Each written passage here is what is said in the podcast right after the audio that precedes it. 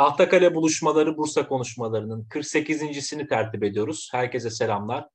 Bu ayki konumuz Süleyman Seyfi Öğün. Kendisiyle Bursa bize ne söyler başlığı altında Süleyman hocamızın eski memleketini, gençlik memleketini konuşacağız. Hocam hoş geldiniz.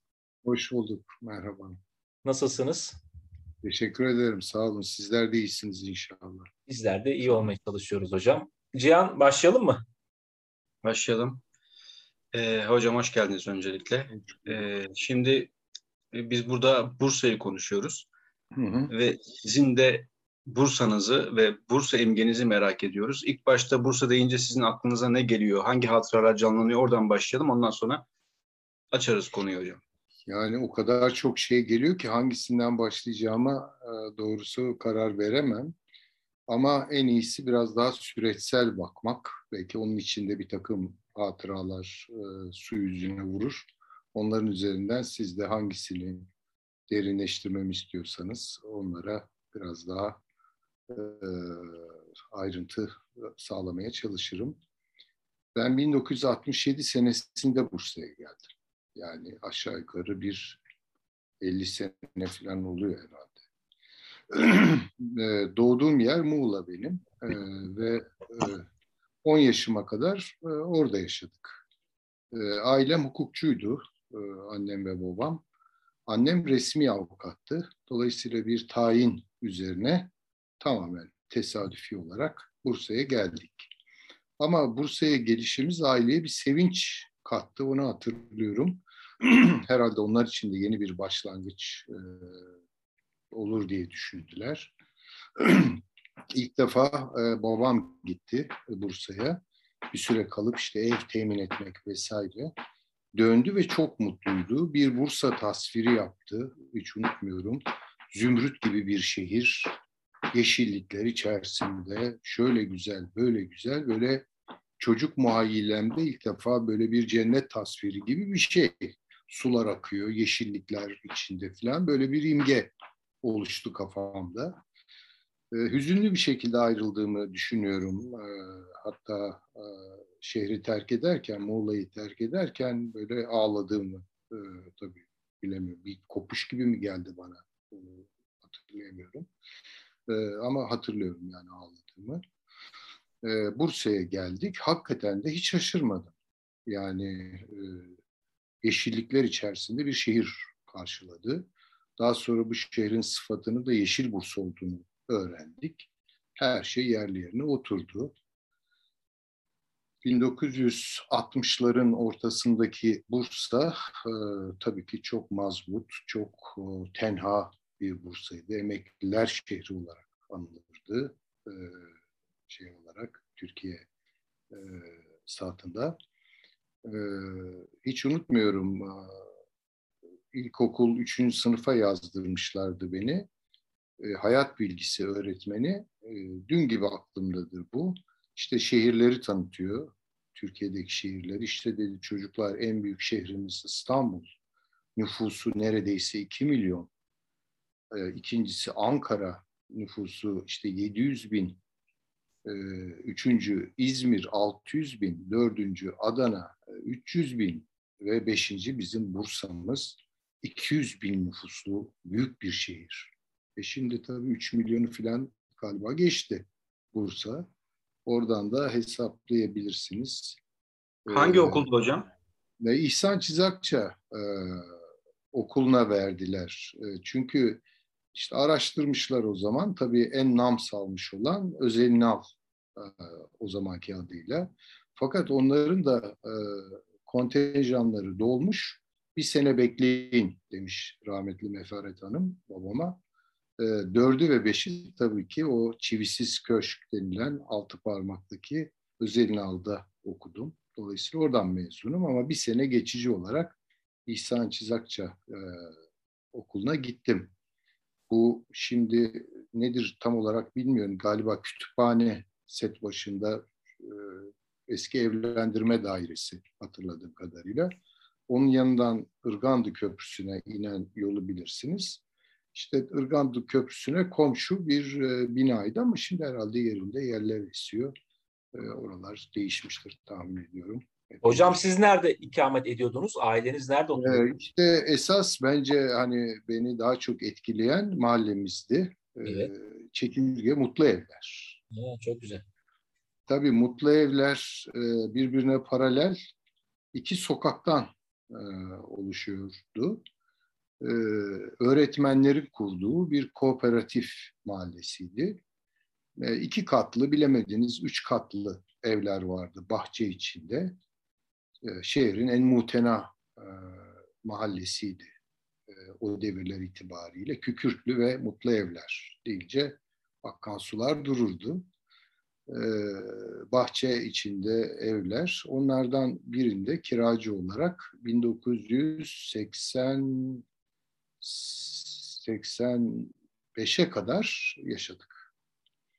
Ee, tabii ev değiştirdik ama mahalleyi değiştirmedik.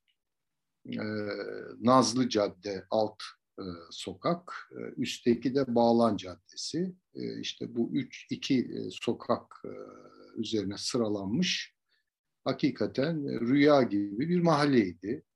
Çok seçkin insanlar yaşıyordu. Yani Bursa'nın o devirdeki elitleri diyebilirim. Ticari elitleri, fabrikatörler falan değil, daha çok e, işte öğretmenler, e, doktorlar, avukatlar filan orta sınıf meslek erbabı. Çoğunluk öğretmendi. Dolayısıyla bir öğretmenler mahallesiydi. E, ve hala ben yegan yegan onları hatırlarım. Erkek lisesinin imparator hocaları yani işte ne diyelim bir Çamur Şevket, matematik alimiydi işte tarih öğretmeni hanımı e, Domates Melahat diye tanınan Melahat hocamız. E, Lamia Hanım, Şinasi Hoca tarih öğretmeni. Siz Kazım Baykal'a yetiştiniz mi hocam? Kazım Baykal'ı gördüm ama o mahallemizde oturmuyordu. Kazım Baykal zaman zaman okulları dolaşırdı ve Bursa tarihi hakkında. E, talebelere bilgi verirdi, konferanslar verirdi. Ben Harika. kendisini bizzat e, izleme imkanı, dinleme imkanı buldum. Harika. Hatta bir, bir iki kitabı da hala kütüphanemde bir yerlerde olması Bursa lazım. ve anıtlarıdır o da büyük ihtimalle. E, büyük bir ihtimalle odur. E, çok eski bir kitap. E, Bursa Eski Eserleri Sevenler, Sevenler. Derneği öyle bir evet e, şeyde e, faaliyet gösteriyordu. E, fakat e, mahalleyi hani anlatmam gerekirse hakikaten çok şiir gibi bir mahalleydi. İnsanların çok birbirlerine medeni davrandı. Yani ben hep böyle hatırlarım işte iki kişi karşılaşır, şapkalarını çıkarır, birbirlerinin halini, hatırını sorar. Ee, annelerimiz, teyzelerimiz yani bir büyük aile gibiydik. Hakikaten e, bu konuda hiçbir abartı yok. Eski mahalle hayatlarını bizzat e, yaşamış biri olarak bunu söyleyebilirim. Ee, seneler sonra e, hatta öyle bir anım da vardır. Ee, e, bir gün e, Bursa'ya gelişimde biri seslendi arkamdan. Önce tanıyamadım sonra hatırladım. Eski bir mahalle arkadaşım İlham Doğancı. Belki ismen de biliyorsunuzdur. Bursa'nın iş adamlarından. Beni tanımış. Hemen işte çalıştığı, daha doğrusu ofisine davet etti Kozan tarafında. Ee, bir mahalle sohbeti başladık.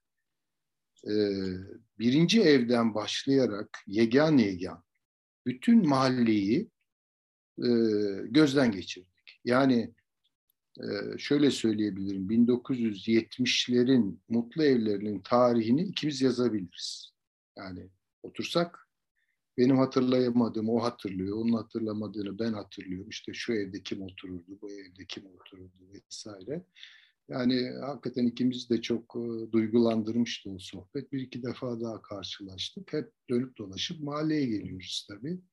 Öyle bir e, derin izi vardır yani mutlu evlerin üzerinde. Bunu söyleyebilirim. Yani. Peki hocam, e, Muğla'dan ağlayarak ve hüzünle ayrıldınız.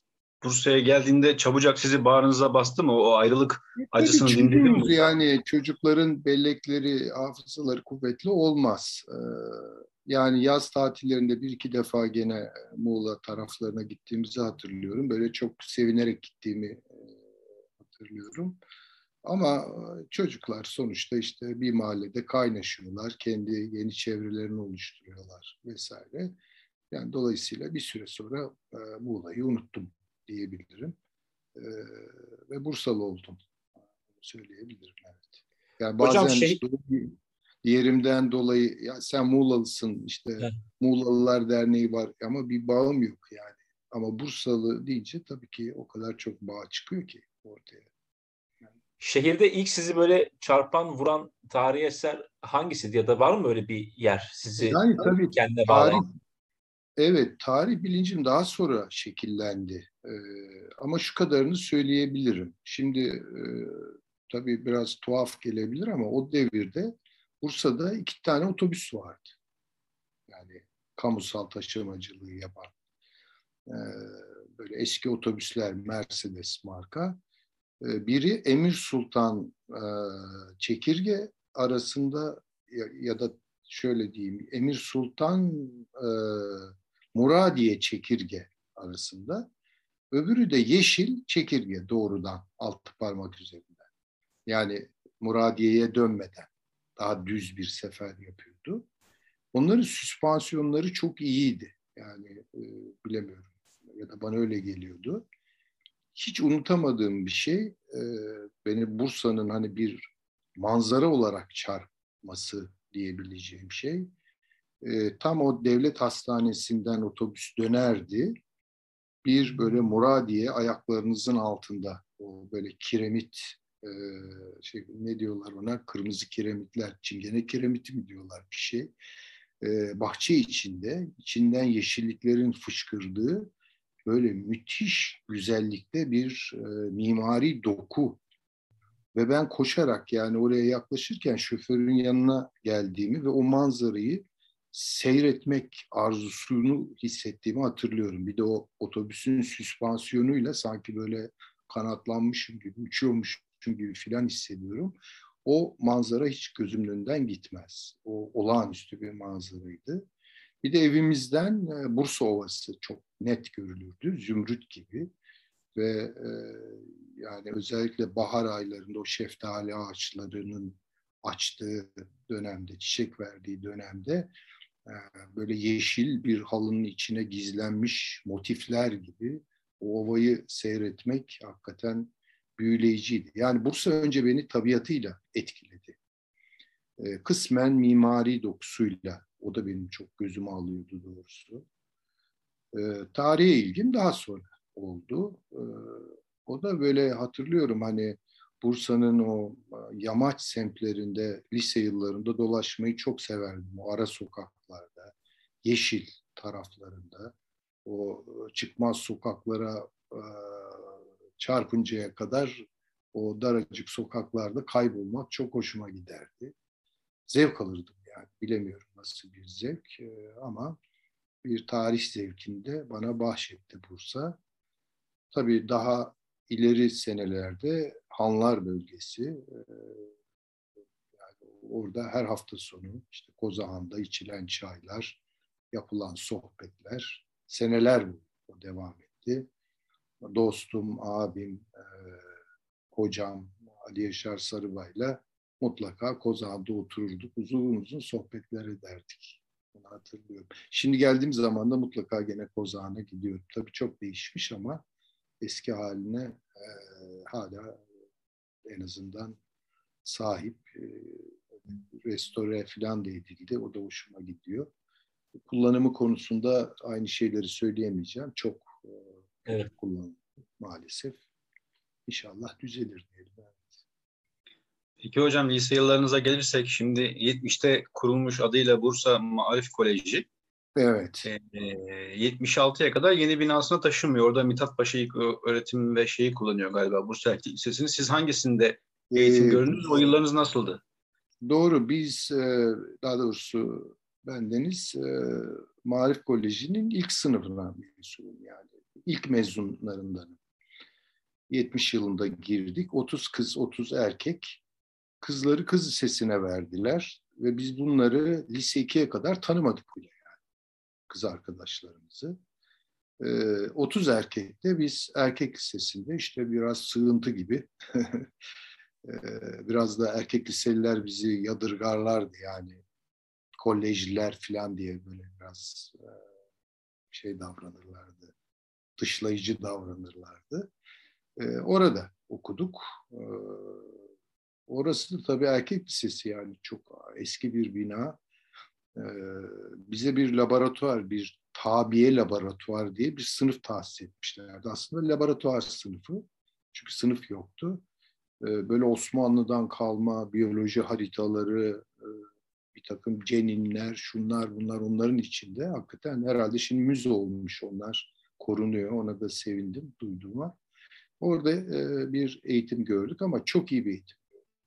Yani e, mesela e, sürekli yurt dışından hocalarımız gelirdi. Yani İngilizce derslerini ağırlıklı olarak ya Avustralyalı hocalar, ya Amerikalı, ya İngiliz. Türk hocalarımız da vardı. Onların içinde de çok iyiler vardı. Muzaffer Türk Bayrak hiç unutmam. Hakikaten e, yani çok iyi bir hocaydı, öğretmendi.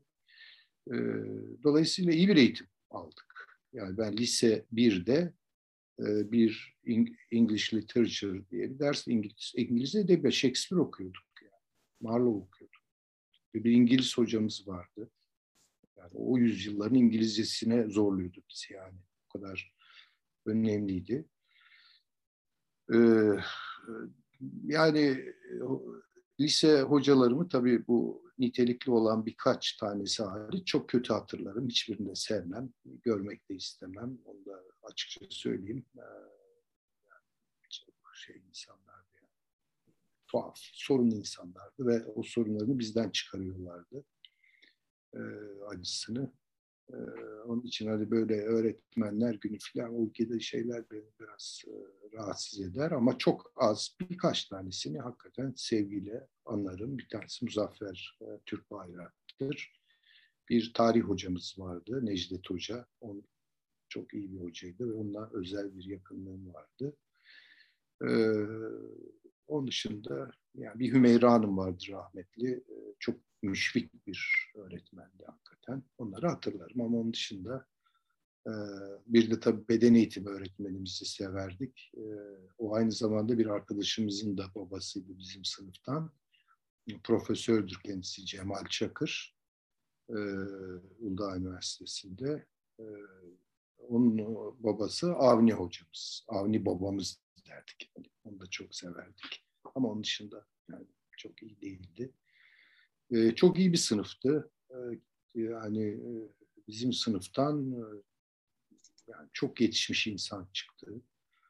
Onlardan da bahsedebilirim istiyorsanız isimlerinden. Mesela Semih Gemalmaz bizim sınıftan hukuk profesörü. Osman Doğru Marmara Hukuk'ta profesör. Doğan Yeşil Bursa psikiyatrist İstanbul'da profesör. Ee, Kemal Kayserili e, aynı şekilde doktor, hekim, çok sayıda ODTÜ mezunu, İTÜ mezunu, mühendisler, e, doktorlar. Hakikaten e, bize bir şeyler verildiyse fazla fazla o sınıf karşılığını verdi. Onu da söyleyebilirim. O yılların Bursa Erkek Lisesi ile karşılaştığınız zaman bir adım önde diyebilir miyiz Anadolu Lisesi için ya? Ee, bir adım, şimdi şöyle, erkek listesinde hakikaten efsanevi hocalar varlığını sürdürüyorlardı. Mesela Şevket Bey, ben kendisinden daha sonra matematik dersi de aldım. Biraz sorumluydum matematikte. Ee, bir matematik bilginiydi. Yani o sadece bir matematik öğretmeni falan değildi. Ben onu hayranlıkla dinliyordum yani. Ee, kültürüyle birlikte matematiği anlatırdı. Ama çok sert bir hocaydı falan yani işte. Ama herkes ona büyük bir hürmet duyardı. Yani efsanevi bir hocaydı öyle efsanevi bir 4-5 hoca hala erkek sesinde varlığını devam ettiriyordu ama yeni gelenlerde hayır yoktu. Yani bunu söyleyebilirim. Ee, ama öğrenciler daha çok kıskanırlardı bizi. Yani hocalar değil de e, öğrenciler, yani erkek sesini öğrencileri sevmezlerdi bizi. Kıskanırlardı. Öyle bir rekabet vardı yani. Onu hatırlıyorum. Peki hocam üniversite yıllarınıza gelirsek e, nasıl gelişti durum? Valla tabii bizim üniversite okuduğumuz seneler e, çok kötü senelerdi. Yani anarşi denirdi o zaman. Şimdi 78 falan değil mi? Evet o ben civar. 78'de girdim üniversiteye. Ee, yani başarılı bir lise öğrencisi falan değildim ben. Yani öyle vasat, zor geçen, e, kendi alakaları, ilgileri olan, onların peşinden koşan biriydim. Sosyal bilimlere ilgim vardı, edebiyata ilgim vardı, felsefeye ilgim vardı. O gibi derslerim çok iyiydi, çok başarılıydı ama matematik, kimya, fizik falan dökülüyordu. İşte güç bela o zamanki adıyla Bursa Sosyal Bilimler e, Fakültesi, Bursa Üniversitesi İktisadi ve Sosyal Bilimler Fakültesini kazandım.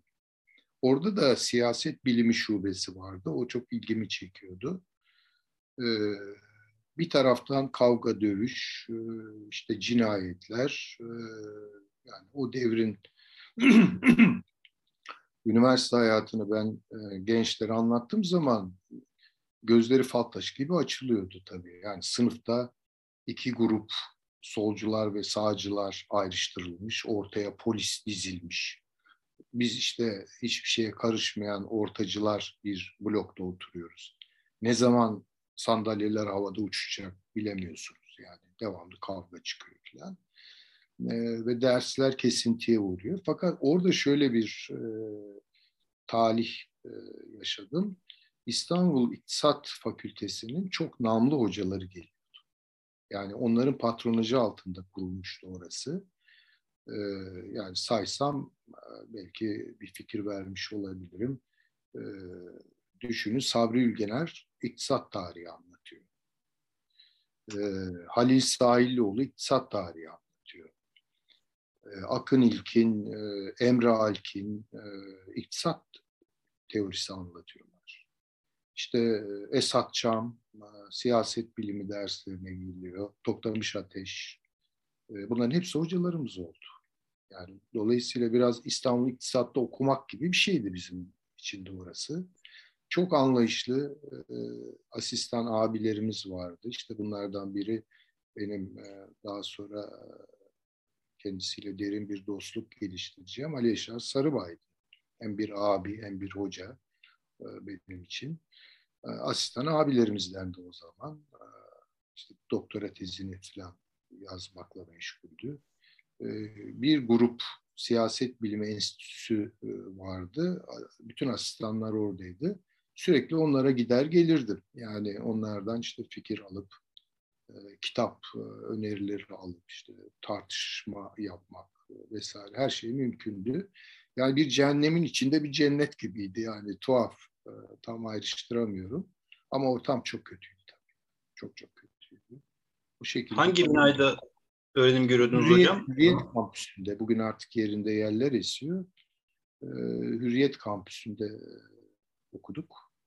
Ee, ondan sonra da işte İstanbul e, siyasalda yüksek lisans.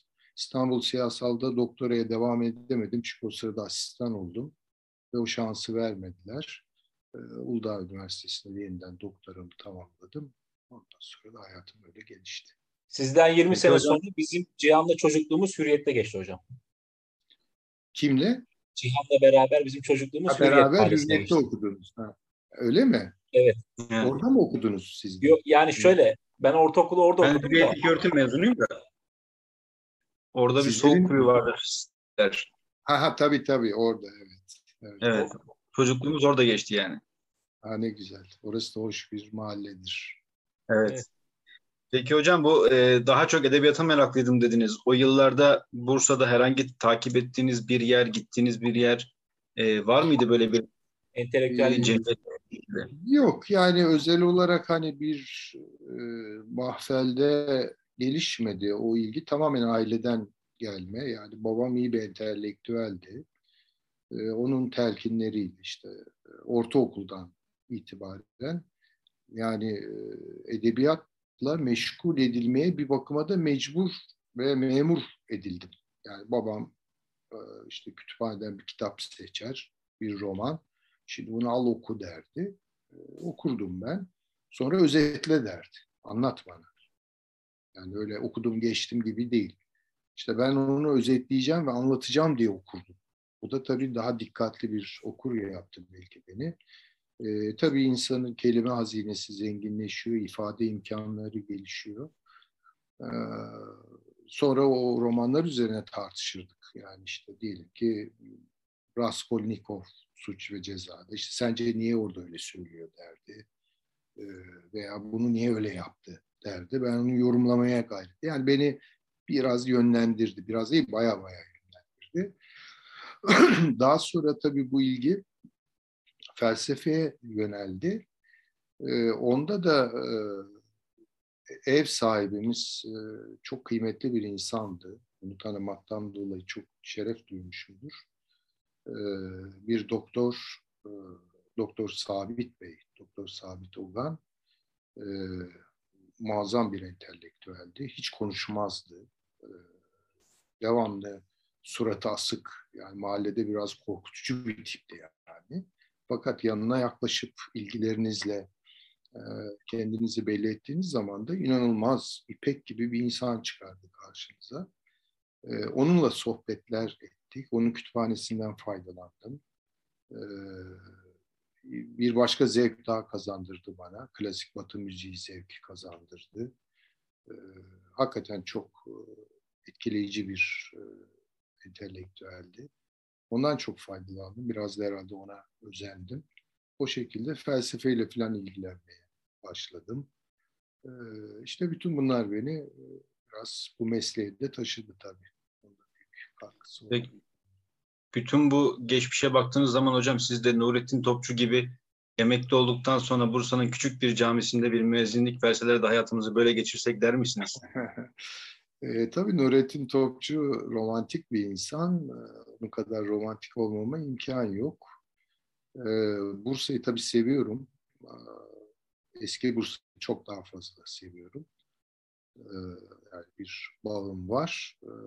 Ama son zamanlarda Bursa e, biraz fizik, fiziksel bir misal vermem gerekirse hani obezleşen bir insana benziyor şişiyor, büyüyor ama içi boşalıyor. E, taşıdığı zenginlikler, değerler e, adeta içinde böyle küçük bir adacığa falan sıkışmış gibi. Bu tarafıyla e, beni üzüyor, öyle söyleyeyim. İstanbul tabii aşağı yukarı 10 senedir, hatta 10 seneyi de geçti İstanbul'da yaşıyorum. Daha önceki gidip gelmelerin bir tarafa. İstanbul bambaşka bir şey tabii yani insanı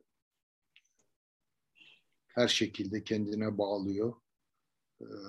Yani kim gelirse ve nereden gelirse gelsin çok kısa bir süre içinde İstanbul'u çıkıyor yani. Bu çok başka bir şey. Yani şu an yani Bursa'yı çok içimde değil biraz dışımda görüyorum. Çok yakın görüyorum tabii ki ona hiç şüphe yok. İstanbul teslim almış vaziyette yani her şeyiyle, sorunlarıyla, imkanlarıyla, e, her şeyle teslim almış söyleyebilirim. Bu oba, obezleşme e, mevzusunda ipin ucunun kaçtığı yer neresi hocam? E, yani bir kere şehir çok kötü. E, yani şöyle söyleyeyim işte o eski halini bildiğim için Bursa'nın o kartpostal gibi bir şehir yani bu şehre nasıl kıydık? Yani bunu düşündüğüm zaman hakikaten zihnimde böyle fırtınalar esiyor. Ve bunun ben hikayesini öğrendim. Çünkü 70 yılların başında başladı hikaye. Daha evvel emekliler gelirdi dışarıdan, yerleşirlerdi. Bunlar zaten yani medeni insanlardı. İşte memur emeklisidir, okumuştur, yazmıştır, iş güç yapmıştır filan. Yani böyle ipini koparanın gelmesi. Tabii insan sonuçta hepsine e, eşit bakmamız gerekiyor ama bazı şeyleri de hesaplamak gerekiyor. O iki fabrika yani o iki araba fabrikası Bursa'yı mahvetti.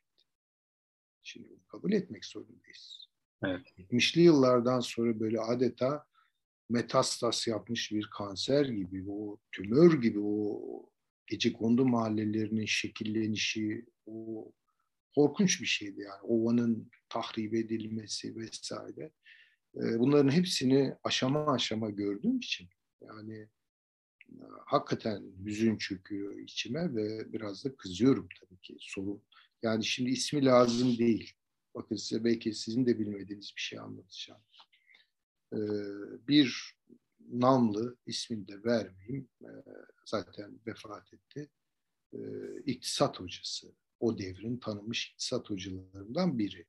Onunla bir e, panelde karşılaştık. Tabii hürmet ediyoruz yani hocamız. İşte Bursa filan lafları açılınca ya dedi ben dedi o kadar üzgünüm ki. Niye dedim hocam bu? Yahu dedi bu Bursa raporunu yani bu fabrikalar Bursa'da kurulur raporunu verenlerden biri benim.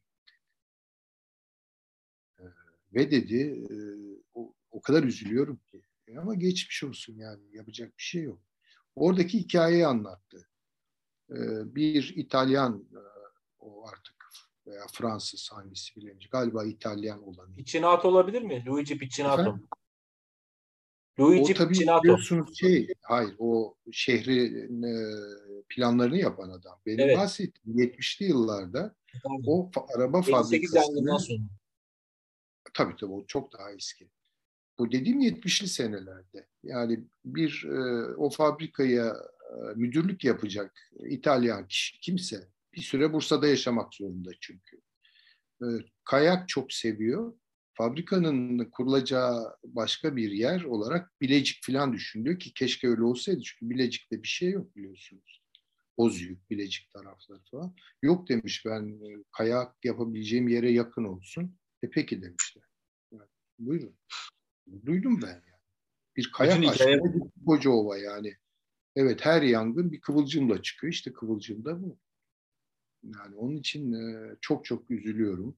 Tabii daha sonra rahmetli mimar Turgut Cansever'le e, yakınlaşmam mevzu bahis oldu. Yani özel sohbetlerinden senelerce istifade ettim. Bu da da Bursa'yı çok iyi biliyor. Çocukluğu Bursa'da geçmiş falan. Onun anlattığı şeyler var falan. Yani Bursa böyle bir içimde bir acı olarak e, nasıl kıydık bu şehre? Yani, çünkü bu dünyada sayılı eşir benzeri olmayan e, bir doğal çevreye sahip. E, bu şehri yaşatmak görevimizdi. Onu el üstünde tutmak görevimizdi. Mutlaka Manisa da öyledir kendine göre. İzmir de öyledir. Birçok şehir öyledir. Çok hoyrat davrandık. Milletçe, çok hoyra. Hala da öyle davranmaya devam ediyoruz. Yani en küçük bir geri adım atma falan yok. Arada bir üzülüyor gibi yapıyoruz ama e, şehirlerimize kıydık. E, maalesef dünyanın en güzel şehirlerini dünyanın en çirkin şehirleri haline getirme başarısını gösterdik. Dönüp aynaya baksak iyi olur ama ne bileyim ya belki ileriki nesiller bir şeyler yapacak ama giden de gidiyor biliyorsunuz maalesef. Peki hocam bu e, şey midir sizce? Bilinçli yapılmış bir e, darbe mi yoksa bilinçsizce ve şuursuzca gerçekleşen bir eylem mi? E, yani tabii kimse sonuçlarını öngöremezdi. Ama benim gördüğüm bir şey var. Biz Türklerin e, tuhaf bir takım e, hasletleri var. Belki başka milletlerde o kadar olmayan. Çok e, gözü açık bir milletiz. Çok e, dinamik bir milletiz. Ee, her gittiğimiz yeri böyle hemen kavrayıp acaba burada ne yapılır deyip hem oranın e, usullerine, gereklerine tabi oluruz hem de kendimizi muhafaza ederiz mesela yani.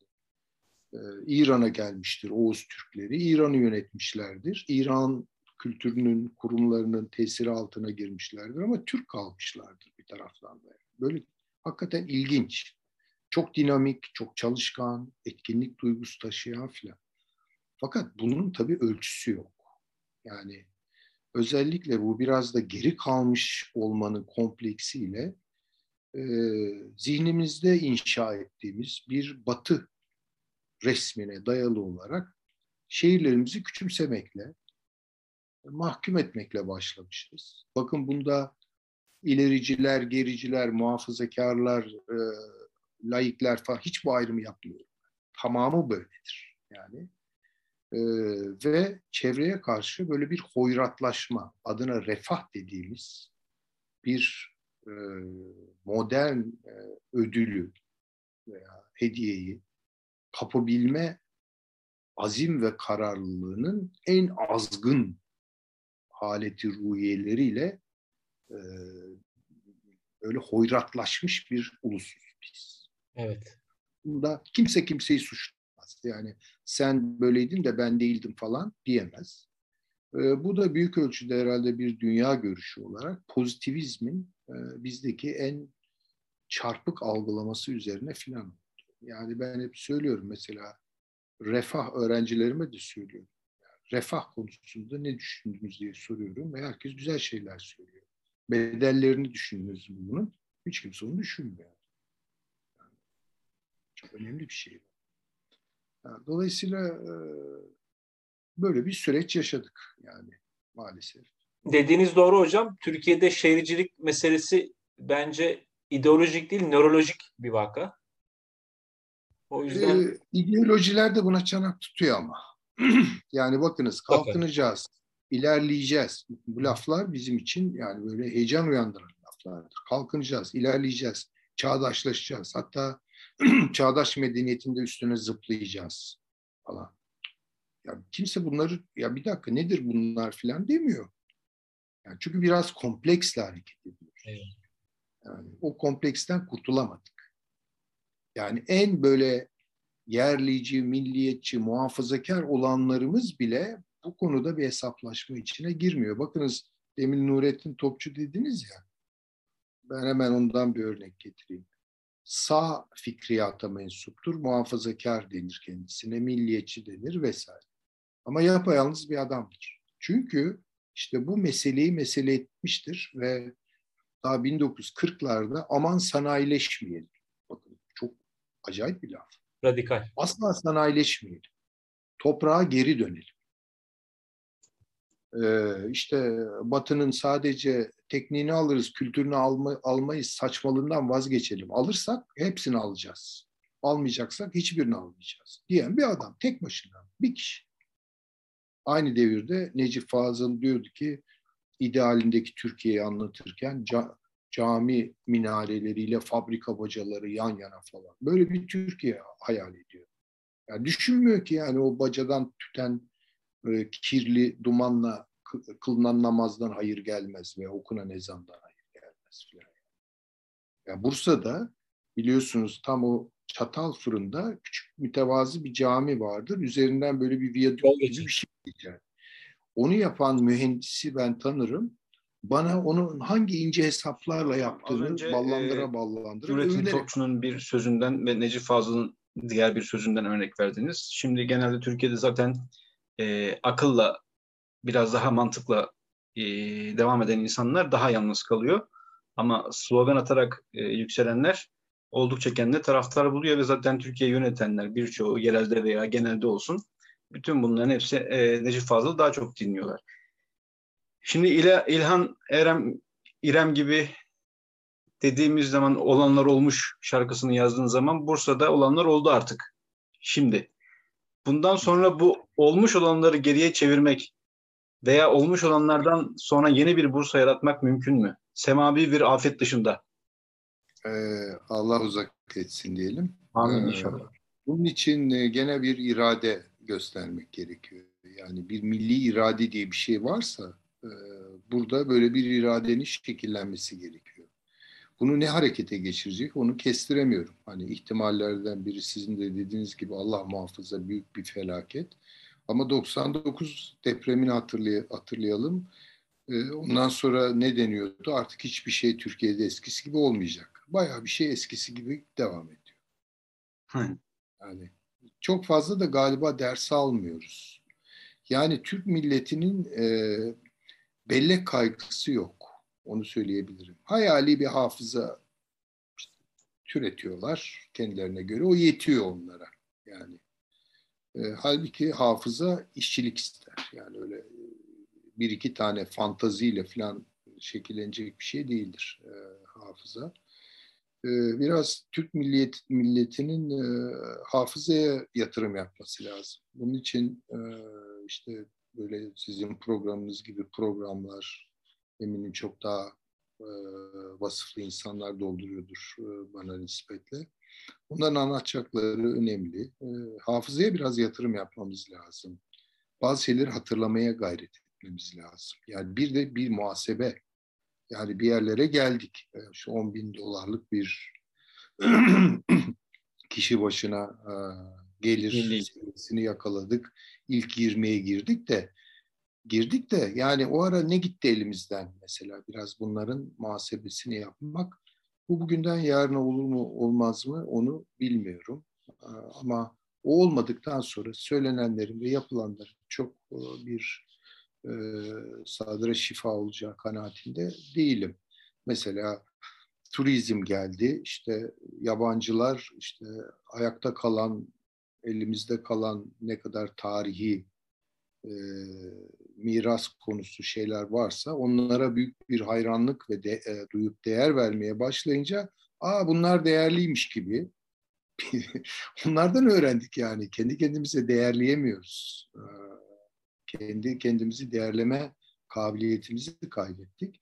İşte turizm girdi, para kazanma imkanları falan girince işte bir takım restorasyonlar yapılıyor, işte düzenlemeler yapılıyor, işte biraz imar var işin içinde vesaire. Onların da ne kadarı hakikaten e, o yapıların tabiatına uygun şeyler onları bilmiyorum. E, bazıları iyi oluyor, bazıları çok kötü oluyor. Bir gentrification hikayesi var işte şehirlerin belli sokaklarını güzelleştirme, e, el ayağı düzgün hale getirme işleri falan. Bunlar e, palyatif şeyler. Evet. Bunlar birer pansuman tedavisi. Esasa vaziyet etmek lazım esasa vaziyet edince tabii biraz e, zorlanacağız ama e, önümüzdeki nesillere güzel bir çevre, e, güzel şehirler bırakmak falan istiyorsak bunu yapmak zorundayız. Yani bu mekan algımızı onarmak zorundayız. Biz mekana çok fonksiyonel bakıyoruz, çok mühendislik bakıyoruz, çok ekonomik bakıyoruz. Bunlarla mekanı nesneleştiriyoruz. Halbuki mekan ruhlu bir şeydir. Çok Mesele o ruhla irtibata geçip mekanla ilişki kurma meselesidir. Yoksa yani e, yapılır bunların hepsi ama dediğim gibi ruhsuz işler olarak kalır. E, fonksiyonlar tuhaflaşır. Yani biraz da o binalar, o yapılar ne için yapıldıysa ona yakın değerlendirilmesi lazım. Yani Mevlevihaneyi düğün salonu yaparsanız yani oluyor. içinde düğün falan yapıyorlar. Restore etmişler çok güzel de yani içinde yani yemek yiyorlar, sohbet ediyorlar, düğün yapıyorlar filan. O yakışmıyor yani. Bunun gibi şeyler. Ee, yani bayağı bir e, zihni e, yatırım yapmak gerekiyor ve buradan bir irade devşirebilirsek e, bu işler düzelebilir. Ee, zor değildir. Niye olsun zor. Ee, ama biraz şöyle ne diyelim bu konuda da biraz bedel ödemeyi, bazı şeyleri elimizden çıkartmayı, bazı şeyleri yeniden yapma iradesi geliştirmeyi falan öğrenmeliyiz. Başka türlü olmayacak herhalde. Hocam bu zihni restorasyon biraz ahalinin rızasıyla değil de cebren olacak gibi. Valla cebren yapılan şeylerden pek hayır gelmez. Yani e, mesela ben Özbekistan'ı gezdim. İşte Sovyet tarzı e, usullerle işte büyük büyük caddeler, geniş geniş caddeler, evet. toplu konutlar, e, soğuk soğuk bir sürü bina yapmışlar. Yani baktığınız zaman e, bizde yaşanan sorunlar, altyapı sorunların hiçbiri yok. Yani bayağı iyi bir altyapı kurmuşlar. İşte altyapıyla olmuyor işte bu işler. Yani sadece bir mühendislik mesele değil. Şehirlerin bir ruhu var. Ee, sadece bir şehir bir ruha da indirgenemez. O da ayrı bir hikaye. Yani sadece şehirlerin ruhuyla söyleşmek. Bu anlamsız. Kötü edebiyatlar türer burada. Evet. Yani 5. sınıf Tanpınar edebiyatları, 8. sınıf Yahya Kemal edebiyatları filan türer. Ee, ve e, işin maddi tarafı gözden kaçar. Ama sadece mesele bir maddi mesele değil. E, zaten bunları ayırmamak gerekiyor. Madde ve manayı ayrıştırarak başlıyor ki pozitivizm bunu yapar biliyorsunuz. E, bunları ne kadar iç içe görmek e, imkanı varsa bunu yakalamaya çalışmak gerekiyor. E, onun için hani e, dediğim gibi e, basit olarak bu iş bir e, dediğim gibi bir maddi mesele değil, bir maneviyat spekülasyonu iş değil. Peki hocam bir şehri güzelleştiren o şehrin yani o bir şehri güzelleştirilen hakim unsur o, o şehrin yaşayanları mıdır yoksa o şehri yönetenler midir? Hangisine daha çok iş düşüyor? E, hep birliktedir ama bence e, önceliği şehrin e, sakinlerine vermek gerekir. Ben bu konuda tabii Turgut Cansever'in talebesiyim. Turgut Bey asla yukarıdan aşağı dikte edilen şeyleri kabul etmezdi. Yani insanların yaşadıkları bir hayatın içinden meseleleri çözmek gibi. E, bu da tabii popülist bir şey değil. Bazıları da öyle anlıyor bunu ama e, yaşanan hayat belirleyicidir. Yani bence esas tabii sorgulamamız gereken nasıl bir hayat tarzını e, seçeceğiz. Her şey onun içinde konuşulacak çünkü. Biz o konuda refah denilen bir e, ne diyelim yanılsamanın tutsağı halinde yaşayan, bir türlü de ona ulaşamayan, ulaşanların ise e, birçok insanı ondan mahrum ederek ulaştığı bir hayat tarzını bugüne kadar sürdük. İşte modernleşme tarihimiz budur. E, tüketime dayalı, refaha dayalı bir ödül bekliyoruz yaptıklarımızdan. E, bu tabii çok bence tek boyutlu, sığ bir düşünce. Ve bunun ürettiği neticeler de hakikaten bir yerden sonra artık taşınamaz taşınamaz derecede ağır hale geliyor. Hepimiz için geliyor. Herkes şikayetçi ama kimse ne yaptığını bilmiyor. Kimse de ayrıca ya bir takım şeyleri temelden tartışalım. Ahmet Kabaklı öyle derdi. Temellerin duruşmasını yapalım falan demiyor. Yani işte o çok kötü bir nokta. Ha düzelecek, ha düzelecek diye daha berbat noktalara doğru gidiyoruz. Yani, mutsuz insanlar yaşıyor İstanbul'da, şehirlerde. Çok kötü bir şey bu. Evet. Yani zengin insanlar da var muhakkak. Ee, nimetlere ulaşmış, refah ermiş. Mutlu mu bunlar? Nasıl yaşıyor diye bakıyorsunuz. Son derece sakil hayat tarzları çıkıyor karşınıza. Yani sadece savurmaya, tüketmeye, meydan okumaya, göstermeye dayalı, gösterişe dayalı. E bu, bu ne, ne, ne anlamı? Bunun için mi yani bu kadar şeyi kaybettik? Değil mi? Değdim buna diye sordurtuyorlar. Eyvallah. Hocam ben kişisel tarihinizden önemli bir detayı sormak istiyorum. Işığın yansımasıyla Buyurun. alakalı ne söylersiniz?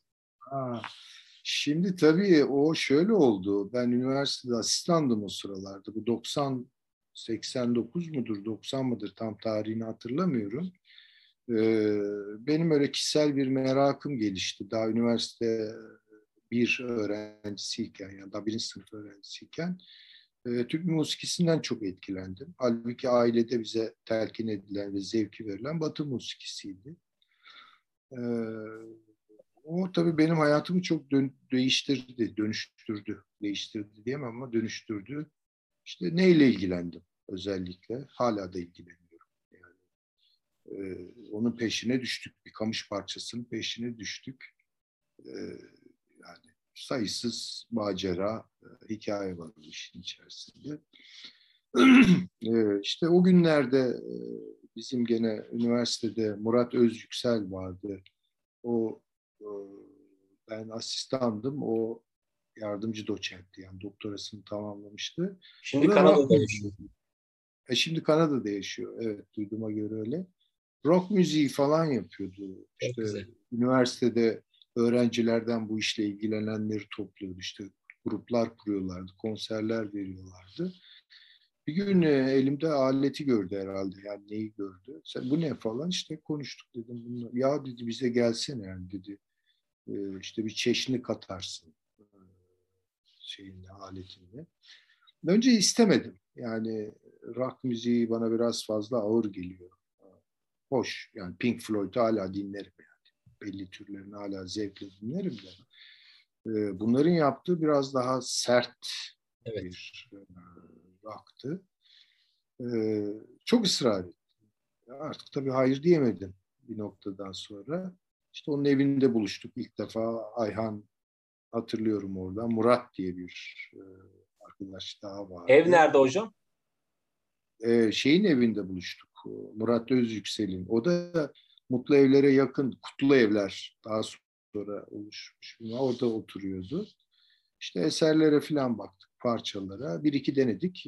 Fena da olmadı. Yani ben tabii tamamında e, bulunmadım ama özellikle bu Anadolu rock diyebileceğim işte belli türküleri işte rock formunda icra ediyorlardı. Hüseyini makamında biraz Hicaz vardı. Eyvallah. Onların başında biraz böyle doğaçlama bir şeyler yaptığımı hatırlıyorum. Bir iki tane de e, konser verdik. E, herhalde o sizin gönderdiğiniz e, afiş onlardan birinin... Benim size evet WhatsApp'tan yolladığım afiş evet, o zaman Fethiye Köyü diye geçiyor. İşte şeyde İlahiyat Fakültesi'nin evet. Konser salonunda. Fethiye Kültür Merkezi şu anda. Fethiye Kültür Merkezi'nde. Tabii çok e, hoş gençlerdi onlar. E, onları tanımaktan da memnun olmuştum. Fakat tabii benim meşrebim daha farklı. Bunu böyle bir deneme olarak e, şeyle de yaptık. Mesela Necmi Gürsakal vardır. O da gitar Tabii. çalıyordu. İkimiz birlikte işte gitar ney şeyleri de yaptık. Çalışmaları da yaptık. Bunlar tabii birer deneme, gençlik hevesi. Böyle kalmış bir yerler. Repertuarınızı hatırlıyor musunuz konser? Yani fazla hatırlamıyorum ama bir bir parçanın başında bir Hüseyin'i bir 3-4 dakikalık bir Hüseyin'i taksim yaptığımı hatırlıyorum.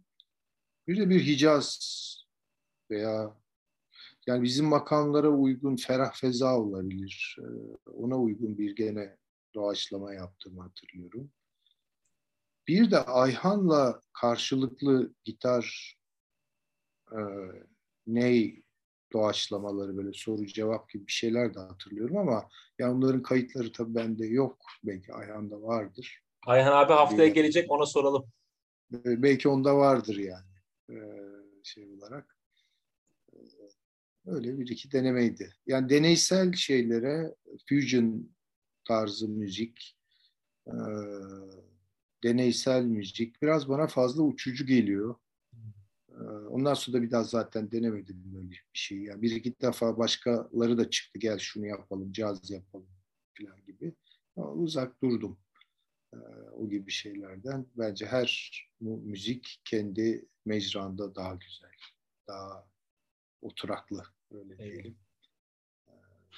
Daha sonra Bursa'da müzikle alakadar e, e, oldu çünkü orada e, bir e, dostum vardı nur içinde yatsın e, İbrahim Benlioğlu Neyzen e, 1990 2005 arası haftada 2-3 gün buluşuyorduk.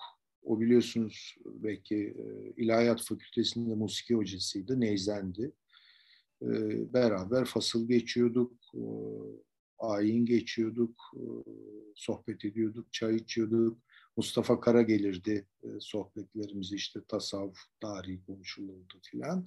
E, öyle bir şeyim oldu, ne diyelim tecrübem oldu.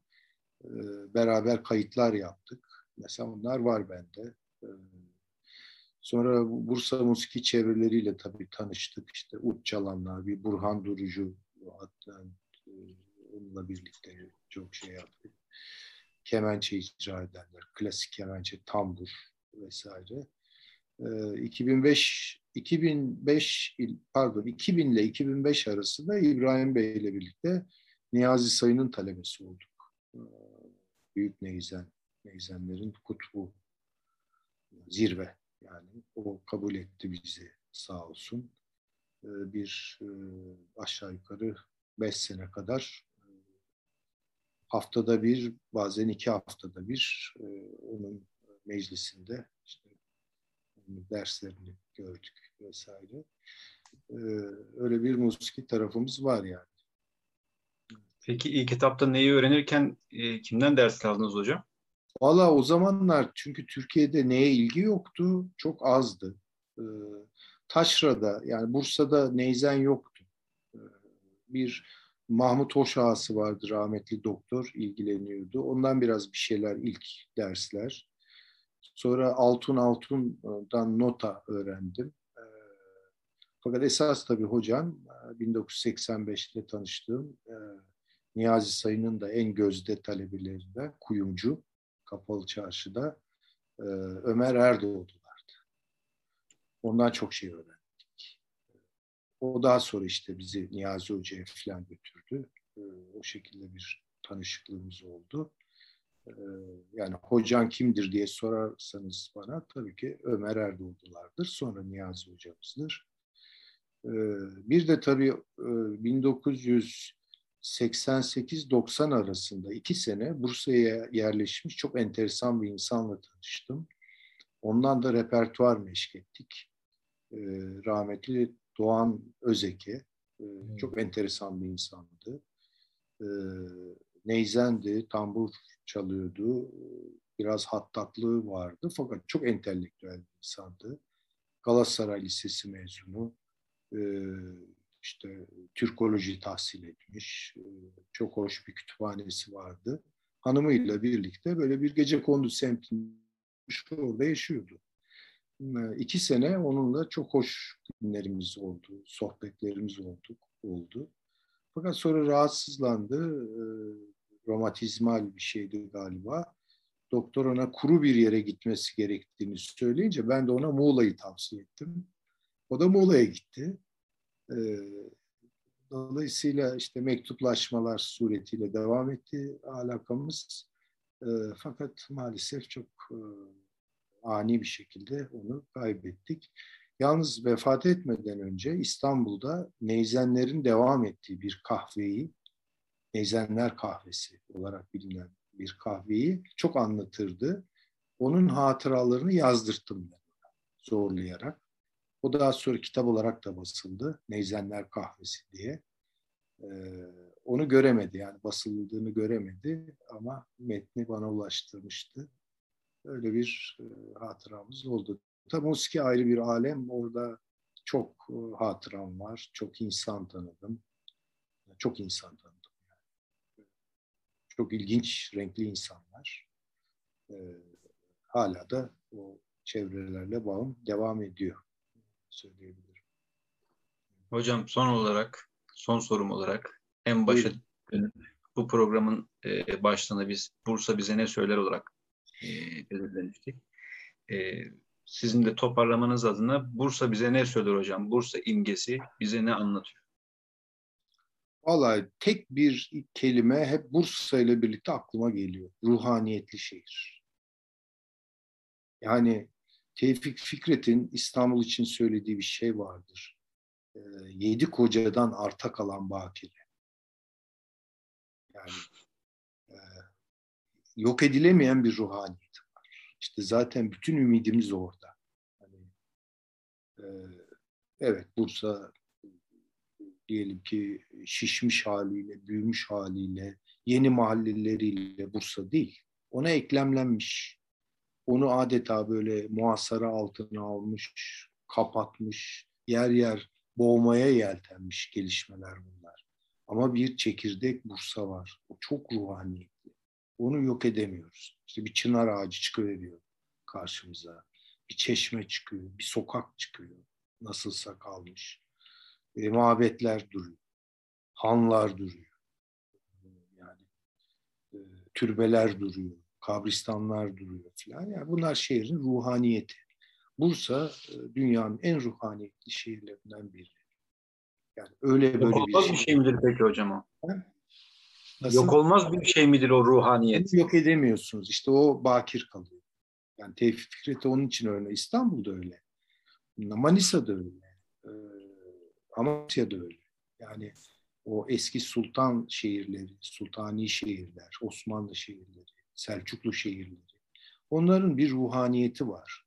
Ben ruhaniyete Rumi ruhaniyet diyorum. Yani bu Roma toprağı ve e, yani Mevlana Celaleddin Rumi yani adından anlaşılıyor.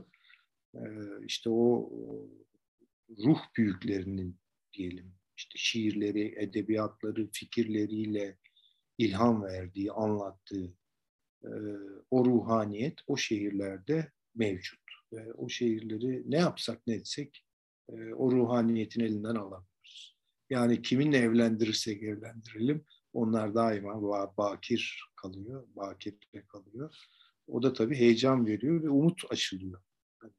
Çünkü bu konuşmalar biraz böyle ümitsiz konuşmalar gibi görülebilir. Ee, yok öyle bir şey yok yani. Onun için bir gün eminim o ruhaniyet kalebe çalacaktır. Üzerinde yaşayan insanları düşündürecektir. Hala düşündürüyor yer yer. Ee, o daha bir irade kıvamına geldiği zaman gereken yapılacaktır. Ne olacak efendim alt tarafı işte bunlar taştır, tuğladır, çimentodur, demirdir yani. Yıkarsınız, gereğini yaparsınız yani ne olacak? Yeter ki insanlar içinde olsun. Ve nasıl yaşayacağımıza karar verelim. Türkler nasıl yaşayacaklarına karar verebilmiş değil. Çok güzel. Maalesef öyle. Eyvallah. Hocam çok teşekkür ediyoruz yayınımıza katıldığınız için. Estağfurullah. Zevk duydum. Zevk duydum. Eskiye gittim hatıralara. Eyvallah. Biz de çok hocam. Sağ olun. Çok teşekkürler. Yeni bir yayında görüşmek üzere. Herkese İnşallah, iyi akşamlar. her zaman. Zevkle, zevkle her zaman. Tabii. İyi akşamlar. İyi geceler. Sağ olun.